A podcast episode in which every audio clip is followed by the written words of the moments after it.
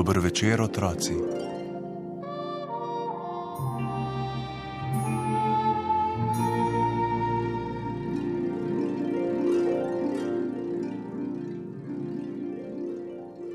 Pismonoša Hubert je že odnegdaj najraje raznašal pošto, ki je ljudi razveselila.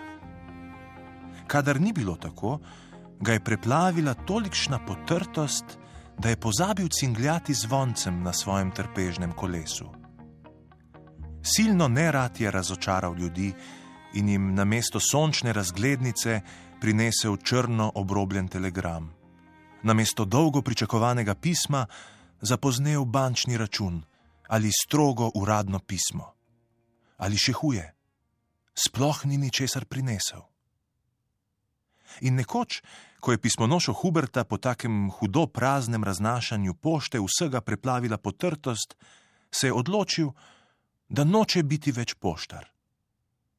Kdo ve, koliko krat bi še moral razočarati ljudi? Ne, od zdaj naprej bo vrtnar. Če bo hotel imeti rože, bo posadil rože. Če korenček, bo posadil korenček. Pošte pa niti v sanjah ne more sam posaditi v poštno torbo. Poštar nima na pošto prav nobenega vpliva. Hubert se je vse dan, vse do poznega večera, predajal potrtim mislim.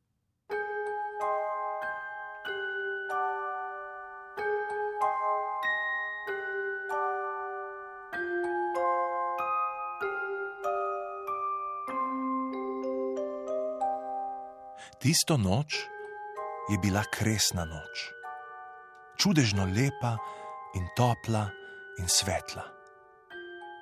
Škoda, da se čudeži ne dogajajo več, je zauzdihnil pismonoša Hubert, sedel na klopco pod staro jablano in še naprej težka v žalostne misli.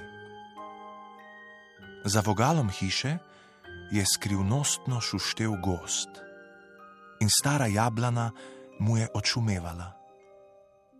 Hubert je poslednjič očistil svojo poštarsko torbo in jo široko odprto položil na mizo ob klopi.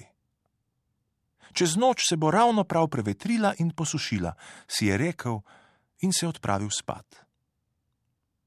Skozi okno je sijal lunin ščip in Hubert se je nemirno premetaval pod bleščavo mesečine. Luna pa je sijala, zmeraj bolj vabljivo, dokler ga ni spečega zvabila iz postelje. Kot začaran je odtaval ven in še naprej sanjal svoje sanje.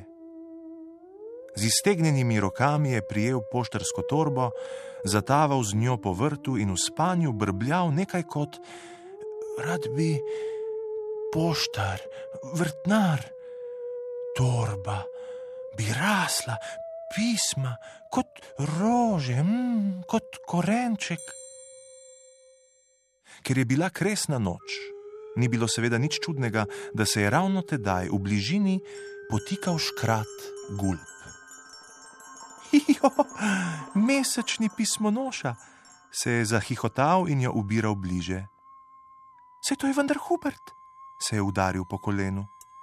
Kolikor mi je znano, ga še nikoli doslej ni nosila luna, nekaj mora biti hudo narobe.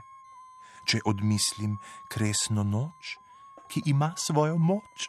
Se je zahihotal in potegnil izpod zašiljene kapice majhno zrcalo. Premikal ga je sem in tja, dokler se ni van ujelo ravno prav mesečine. No pa si oglejmo, kaj ga teži, je zamomljal gulp in zažvižgal, ko je v zrcalu zagledal Hubertove misli. Takih čudnih želja nisem videl v vsej svoji škrati karieri. Hijo, v poštarski torbi naj bi rasla pisma po željah pismonoše Huberta. Kdo ve, ali so to samo mesečne misli ali misli tako tudi v budnem stanju? se je spraševal škrat. Sicer pa, zakaj ne? je skomignil z rameni. Ideja je naravnost škratja. Ubral jo je k Hubertu in mu hihotaje vrgel v poštarsko torbo prgišče praprotnih semen. Pri tem je mrmral škratje zarotitvene besede, od katerih jih večinoma začara tudi od zadaj naprej. Potem je sedemkrat tlesknil s petami svojih steklenih čeveljcev, se sedemkrat zavrtel in zamrmral: Sedem je dnevov, sedmica je svet, naj rastejo sedemkrat sedemkrat sedemsto let. No, Hubert, se je zavihtel na rob Hubertove poštarske torbe.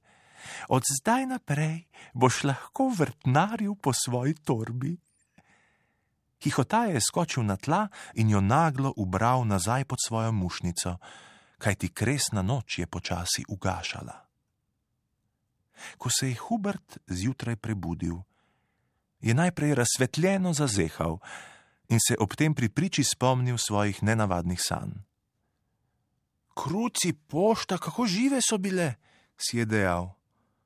Lahko bi prisegel, da sem se res pogovarjal s kratom. Čeprav seveda prav dobro vem, da so bile to le sanje. A nekaj ga je kljub temu gnalo ven pogledat poštarsko torbo, ki je na kresno noč prenočila zunaj. Hm, če moje sanje ne bi bile samo sanje, potle bi moralo v moji poštarski torbi vsak čas rasti nekaj pisem je sanjaril Hubert in se cukal za brke. Vsaj eno sončno rumeno za Sonijo, eno zaljubljeno za Katko, eno iz Amerike za detka Mija, eno rožnato za Franeta, pa eno majceno za punčko Sanko, je v mislih našteval najpomembnejša pisma. Prijel je za torbo in že iz navade pogledal vanjo, preden bi jo zaprl. Od presenečenja jo je izpustil iz rok, jo pobral, znova pogledal vanjo in jo od sreče poljubil. Na njenem dnu so ležala kruci pošta, prav vsa zaželena pisma. Zdaj bo zares lahko vrtnaril, kot mu je po noči dejal škrat gulb po svoji poštarski torbi. Ah, ne bo mu treba saditi rož in korenčka, sadil bo pisma, kar je tako rekoč njegov poklic in nikoli več mu ne bo treba prenašati naokoli prazne torbe. Če bo odpovedala pošta, mu še zmeraj ostanejo čudežna praprotna semena, iz njih pa mimo grede poženejo pisma, kot gobe po dežju želja. In tako je tudi bilo. Nič čudnega, da so ljudje celo po zimi, v najhujšem mrazu in snegu, zunaj čakali Huberta in njegovo pošto.